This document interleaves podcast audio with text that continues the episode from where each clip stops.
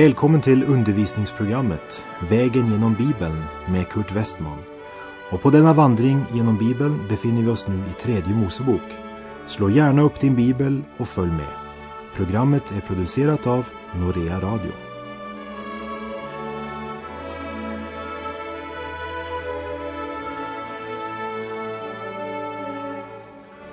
Vi har nu kommit till tredje Mosebok kapitel 13 och därmed till ännu en ovanlig eller speciell del av skriften. Det gäller lagar om spetälska. Och du kanske undrar, lagar om spetälska, kan det ha någon praktisk betydelse idag? Låt mig säga, allt i den här boken är verkligen praktiskt. Och vi befinner oss i den avdelningen kapitel 11 till 22 12 kapitel som handlar om rening eller helgelse i vardagen. Alltså om den praktiska konsekvensen av att vandra med Gud. Och Gud följer noggrant med i hur hans barn lever. Vi såg i kapitel 11 hur intresserad Gud är av människans kost, vad hon äter. Här i kapitel 13, 14 och 15 ska vi upptäcka Guds intresse och omsorg när det gäller spetälska och hans intresse för de nödvändiga reningsceremonierna. Spetälskan och reningsceremonierna är en noggrann beskrivning av hur synden manifesteras i människohjärtat. Det visar syndens fruktansvärda väsen och resultatet av att göra syndens gärningar. Vad spetälskan är för kroppen är synden för människohjärtat. Som Jesus säger när han tillrättavisar fariseerna som la ett andligt poäng i ceremonin att tvätta händerna innan de åt. Men då säger Jesus, som det står i Matteus 15, Ty från hjärtat kommer onda tankar, mord, äktenskapsbrott, otukt, stöld, mened, förtal. Det är detta som gör människan oren, men att äta utan att ha tvättat händerna, det gör inte människan oren. I den här boken om tillbedjan av en helig Gud så finner vi alltså denna omfattande avdelning angående lagar om spetälska och lagar om rening efter spetälska.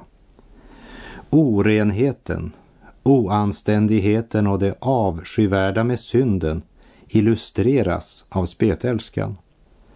Vid den här tiden var spetälskan en mycket svår sjukdom och även om den inte var obotlig, vi ska komma tillbaka till det senare, hopplösheten och syndens mördande, ödeläggande makt beskrivs noggrant genom spetälskan. Den spetälske som släpade sig fram på en dammig orientalsk landsväg och ropade oren, oren, påminde israeliten om att han också var en moralisk, andlig spetälsk som behövde en gudomlig rening. Kanske du som lyssnar till mig inbillar dig att du kan finna nåd hos Gud genom dina egna gärningar och ansträngningar och att du inte behöver Kristus som din frälsare. På samma sätt som många människor inbillar sig att de har något att anklaga Gud för eller något som de kan kräva av Gud. Hör min kära vän, Gud är inte skyldig dig något. Gud vill så gärna få visa dig, liksom han genom dessa lagar om rening visade Israel, hur fruktansvärt ödeläggande synden är. Och spetälskan, som en bild på synden, är ett tema som ständigt återkommer i skriften. I Saltaren 38 läser vi vers 5 och 6 och 18 och 19. Ty mina missgärningar går mig över huvudet, så som en svår börda är det mig för tunga. Mina sår stinker och flyter för min dårskaps skull. Ty jag är nära att falla och min plåga är alltid inför mig. Ja, jag måste bekänna min missgärning och jag sörjer över min synd. Det är det sätt på vilket vi vänder oss till Gud. Jesaja tänkte också på spetälska när han beskrev sitt folks synder i Jesaja kapitel 1. Från fotbladet ända upp till huvudet finns ingenting helt. Bara sårmärken och blånader och friska sår. Inte utkramade eller förbundna eller lenade med olja. Och i Jesaja kapitel 53, verserna 4 och 5. Men det var våra sjukdomar han bar. Våra smärtor, dem lade han på sig, medan vi höll honom för att vara hemsökt, tuktad av Gud och pinad.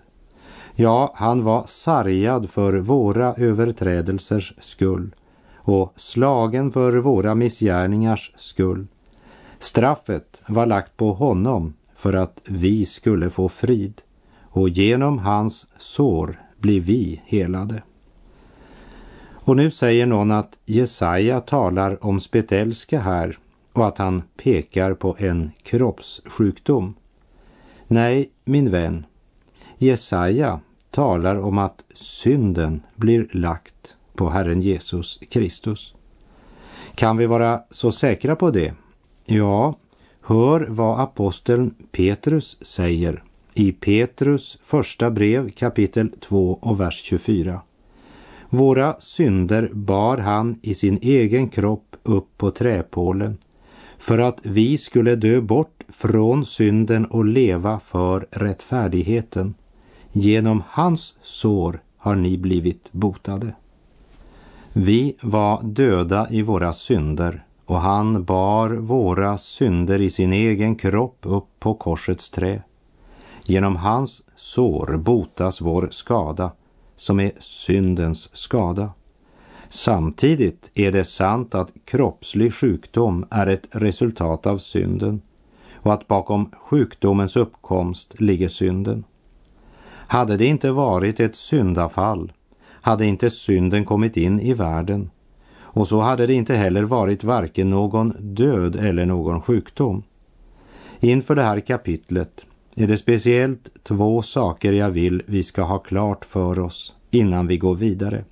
Det första, Bibeln är inte enig i den allmänt accepterade tanken att spetälska var obotligt på den tiden.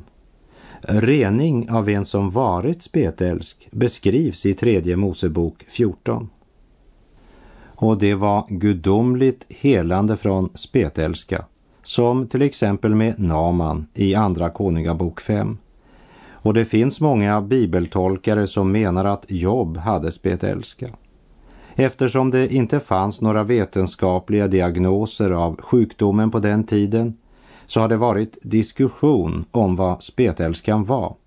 Det fanns den gången medicin som användes för att bota spetälska.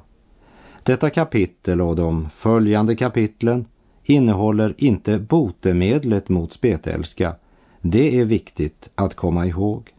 Men det innehåller instruktioner till prästen hur man skulle fastställa att någon hade spetälska och de försiktighetsregler som skulle vidtas för att hindra att sjukdomen spred sig i lägret. Efter att någon var fri från sjukdomen så var det en ceremoni som skulle följas det är inte botemedlet som här talas om. I kapitel 14 talas det om reningsceremonin efter att någon blivit botad och alltså inte om själva botemedlet. Huvudmålet vid sidan av den hygieniska nödvändigheten var att undervisa i en andlig sanning med rening från spetälska som en sorts synd. Det andra det här är inte någon vetenskaplig beskrivning för att upptäcka eller bota spetälska. Det görs inget försök på att ge en medicinsk diagnos på sjukdomen. Diagnosen var praktisk och i förhållande till den kunskap man hade vid denna tid. Och den har en direkt och absolut andlig lärdom för oss som lever idag. Ritualet var en ceremoni, inte ett botemedel. Och låt oss inte heller glömma att det endast är de första stadierna av sjukdomen som beskrivs här.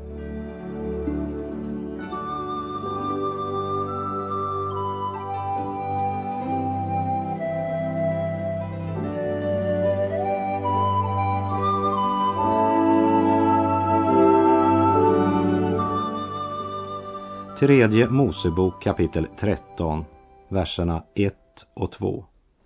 Och Herren talade till Mose och Aron och sade, när någon på sin kroppshud får en upphöjning eller ett utslag eller en ljus fläck och därav uppstår ett spetälskeartat ont på hans kroppshud, så skall han föras till prästen Aron eller till en av hans söner, prästerna. Ja, jämfört med dagens medicinska kunnande verkar ju tredje Moseboks metod ganska grov. Men kom ihåg att metoden är anpassad efter den kunskap man har vid denna tid. Och prästerna skulle inte ställa diagnosen för att ge den sjuke behandling mot sjukdomen. Men det var ett religiöst ritual, en reningsceremoni och det är viktigt att komma ihåg. Och det är tre symptom som beskrivs här i vers 2. Det första en upphöjning, det andra ett utslag och det tredje en ljus fläck. Detta är kännetecken på spetälska. Men det var inte säkert att den person som hade dessa kännetecken var spetälsk. Första steget var att föra honom till Aron eller en av prästerna. På samma sätt ska det minsta av syndens symptom omedelbart bäras till vår store överste präst Jesus. Han som också är den store läkaren. Vi ska bära allting framför honom i bön. Och det gäller även den minsta synd. Och det gäller även vid kroppslig sjukdom.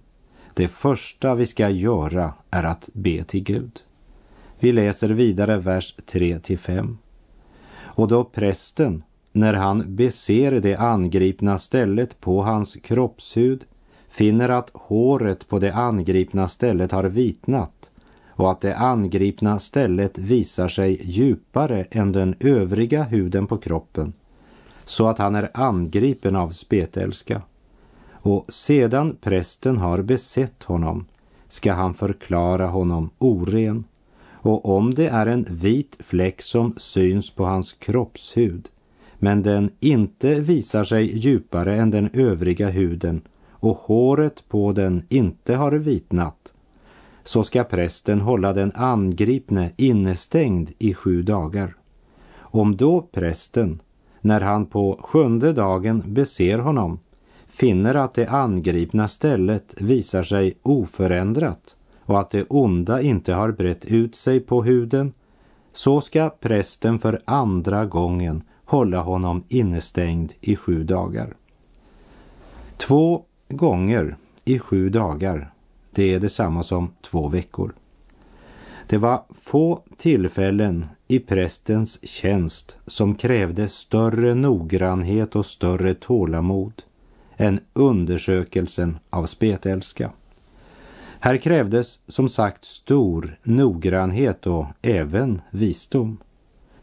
Här kunde inte prästen hasta eller vara ytlig i sin undersökning.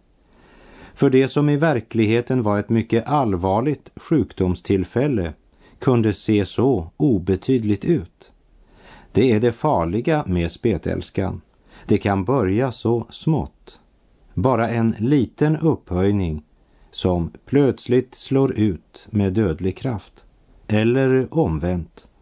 Det kunde vara en böld som såg ut som spetälska fast eh, det inte var det. En förhastad dom kunde ju få den mest allvarliga konsekvens. Domen skulle inte fällas utifrån rykten som prästen hade hört, men han måste göra en personlig undersökning och därefter mycket mycket noga överväga och hålla sig precis efter Guds regel. Det handlar om församlingens renhet och den nåd som inte tillät att någon blev utestängd utan att det var absolut nödvändigt. Det var viktigt att ingen blev kvar innanför som borde vara utanför. Och Guds nåd tillät inte att någon blev utestängd som borde vara innanför. Låt oss se på sju olika saker som kännetecknar spetälska. Först, den börjar ofta som ett litet obetydligt symptom. Det andra, det är en fruktansvärd sjukdom. Det tredje, dess avskyvärda väsen uppenbaras alltid efter en tid. 4. Spetälskan utvecklar sig inte bara stilla från en obetydlig början, men dess utveckling är bestämd och säker. Och det femte, spetälska ger inte så stor smärta som en del andra sjukdomar. Och det sjätte, man menade att spetälskan var ärftlig.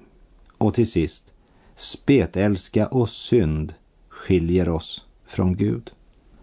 Det första, det börjar som ett obetydligt litet symptom. Bara en liten upphöjning. Men det som såg så oskyldigt ut blev snart till en fruktansvärd situation. På samma sätt som det lilla barnets uppror och aggression kan verka oskyldigt, till och med charmerande. Eller som man brukar säga, det är ju bara naturligt. Ja, det är det för vår gamla syndanatur som är angripen av andlig spetälska.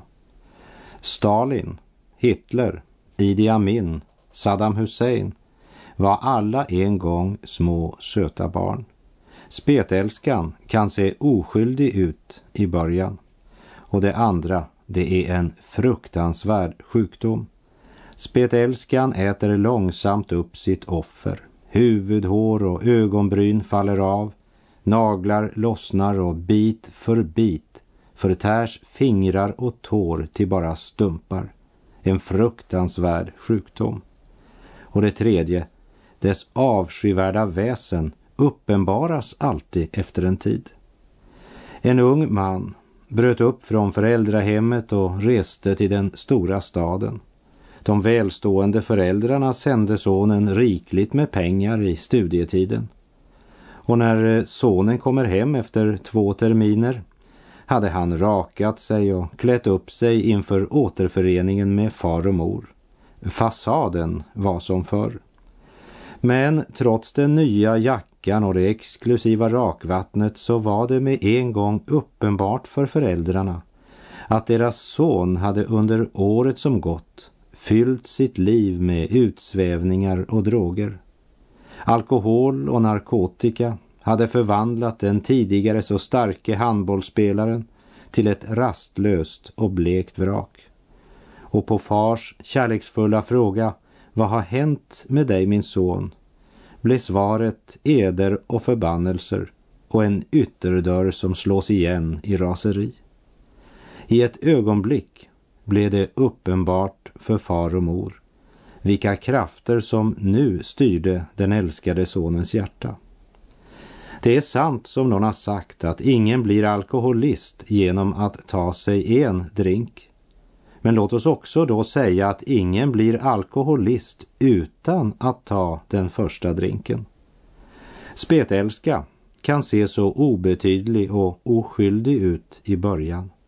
Men sjukdomens avskyvärda makt avslöjas alltid till sist. Vare sig smittan består i droger, omoral, lögn, skvaller eller högfärd eller något annat. Och därmed kommer vi till det fjärde.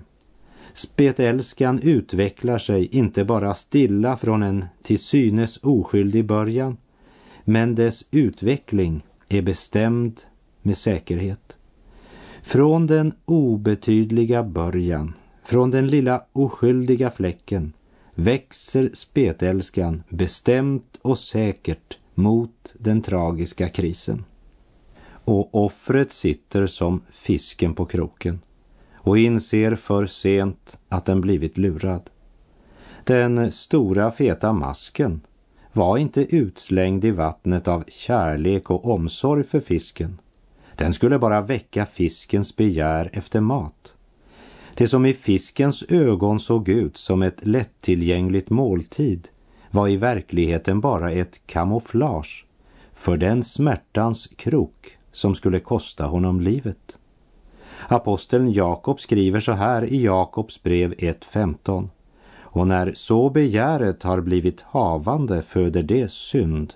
Och när synden är fullväxt föder den död. Låt inte bedra er, mina kära bröder. Spetälskans utveckling är säker och viss. Att vara spetälsk är att vara levande död. Och den spetälske behandlades som en död. Och Bibeln säger att syndens lön är döden. Den som lever ett liv i synd måste också till sist inkassera syndens lön. Det är säkert och visst. Galaterbrevet 6 säger i verserna 7 och 8. Låt inte lura er. Gud kan man inte förakta. Vad man sår får man också skörda. Sår man i köttets åker så får man skörda fördärv av köttet. Sår man i andens åker så får man av anden skörda evigt liv. Precis som spetälska så förtär också synden sitt offer.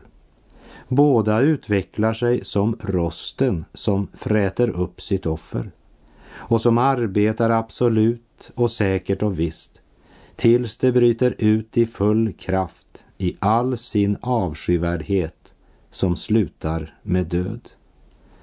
Ingen man eller kvinna dog på ett dygn. Spetälska dödar inte på en dag som en hjärtattack. Den spetälskes liv var en dödens vandring på samma sätt som syndaren är död redan medan han lever. Paulus han uttrycker det så här i Efesierbrevet 2. Också ni var en gång döda i era överträdelser och synder. Ni levde i dem dag för dag, så som denna världen har för sed och så som den mäktige vill, han som råder över rymdens onda makter och över den ande som i denna stund är verksam hos dem som trotsar Gud. Spetälskan uppenbaras alltid till sist. Så salig är den som blir avslöjad medan han lever och blir renad av honom som dog för att försona alla världens synder. Och det femte. Spetälska ger inte svår och kraftig smärta som en del andra sjukdomar. Och därför kan det gå en stund innan offret förstår att han är ett offer för denna sjukdom. Och sjukdomen gör människan trist och rastlös. På samma sätt skapar synden sorg och rastlöshet. Folk ropar på underhållning och tidsfördriv i vår tid. De önskar att man ska få dem att skratta. Och stora skaror söker sig till underhållningspalatsen, diskotek, biografer och nattklubbar för att underhållas och se på alla bilar som kör så fort, som har så bråttom fast de inte ska någonstans. Vi lever i en rastlös värld. Och till sist så för synden människan till en punkt där hon inte har någon medkänsla eller skam, precis som Paulus sa i Efesebrevet 4.19. Utan någon skamkänsla ger det sig hän åt utsvävningar och lever ett allt igenom orent och själviskt liv. Så kommer vi till det sjätte. Man menade att spetälskan var ärftlig. Vare sig den är det eller inte så är i alla fall synden det. Allt som en syndare kan bringa till vår värld är fler syndare. Efter syndafallet är vår natur belastad med arvet som kallas för den fallna människan. Och det sjunde, spetälska och synd skiljer oss från Gud. Det verkade ju närmast brutalt att den spetälske inte bara blev utestängd från samhället och den sociala gemenskapen, men också utestängd från helgedomen. Vi måste komma ihåg att Gud är helig och är den som övervakar och upprätthåller rättfärdighet och renhet. Därför är spetälska ett passande symbol för synden som skiljer oss från Gud. Jesaja säger i kapitel 59 Nej, det är era missgärningar som skiljer er och er Gud från varandra och era synder döljer hans ansikte för er så att han inte hör er. Vi läser tredje Mosebok 13, verserna 6 till 8. Om då prästen när han på sjunde dagen beser honom för andra gången finner att det angripna stället har bleknat och att det onda inte har brett ut sig på huden, så skall prästen förklara honom ren, ty då är det ett vanligt utslag och sedan han har tvättat sina kläder är han ren. Men om utslaget breder ut sig på huden sedan han har låtit bese sig av prästen för att förklaras ren och han nu för andra gången låter bese sig av prästen och prästen då, när han beser honom, finner att utslaget har brett ut sig på huden, så ska prästen förklara honom oren, ty då är det spetälska. Om prästen misstänkte att någon var spetälsk skulle han isoleras i sju dagar. Och om prästen var osäker efter sju dagars karantän skulle han som hade symptom på spetälska isoleras ytterligare sju dagar. Även om prästen såg vissa symptom på spetälska skulle han inte avgöra det här för kvickt eller bekvämt, men ta sig tid, noggrant studera det enskilda fallet personligen, vara tålmodig, god och rättvis mot honom. Och så har också Gud isolerat vår värld, satt syndens jord i karantän, som det står i Romarbrevet 11.32. Gud har gjort alla till olydnadens fångar för att kunna förbarma sig över alla. Och i Galaterbrevet 3.22 står det Men nu har skriften inneslutit allt sammans under synden för att det som Gud har utlovat skulle skänkas åt den som tror genom tro på Jesus Kristus. Inneslutet, det vill säga Gud har satt denna värld i karantän och det har han gjort för att kunna förbarma sig över oss. Och vi ska vara försiktiga i att fälla domen över andra. Det är en allvarlig sak att föra fram falsk anklagan mot en trosbroder. Paulus han sa till Timoteus i första Timoteusbrevet 5.19 Ta inte upp klagomål mot någon av de äldste annat än på två eller tre vittnens ord. Och med det är tiden ute för den här gången. Och jag säger Herren vare med dig. Må hans välsignelse vila över dig Gud är god.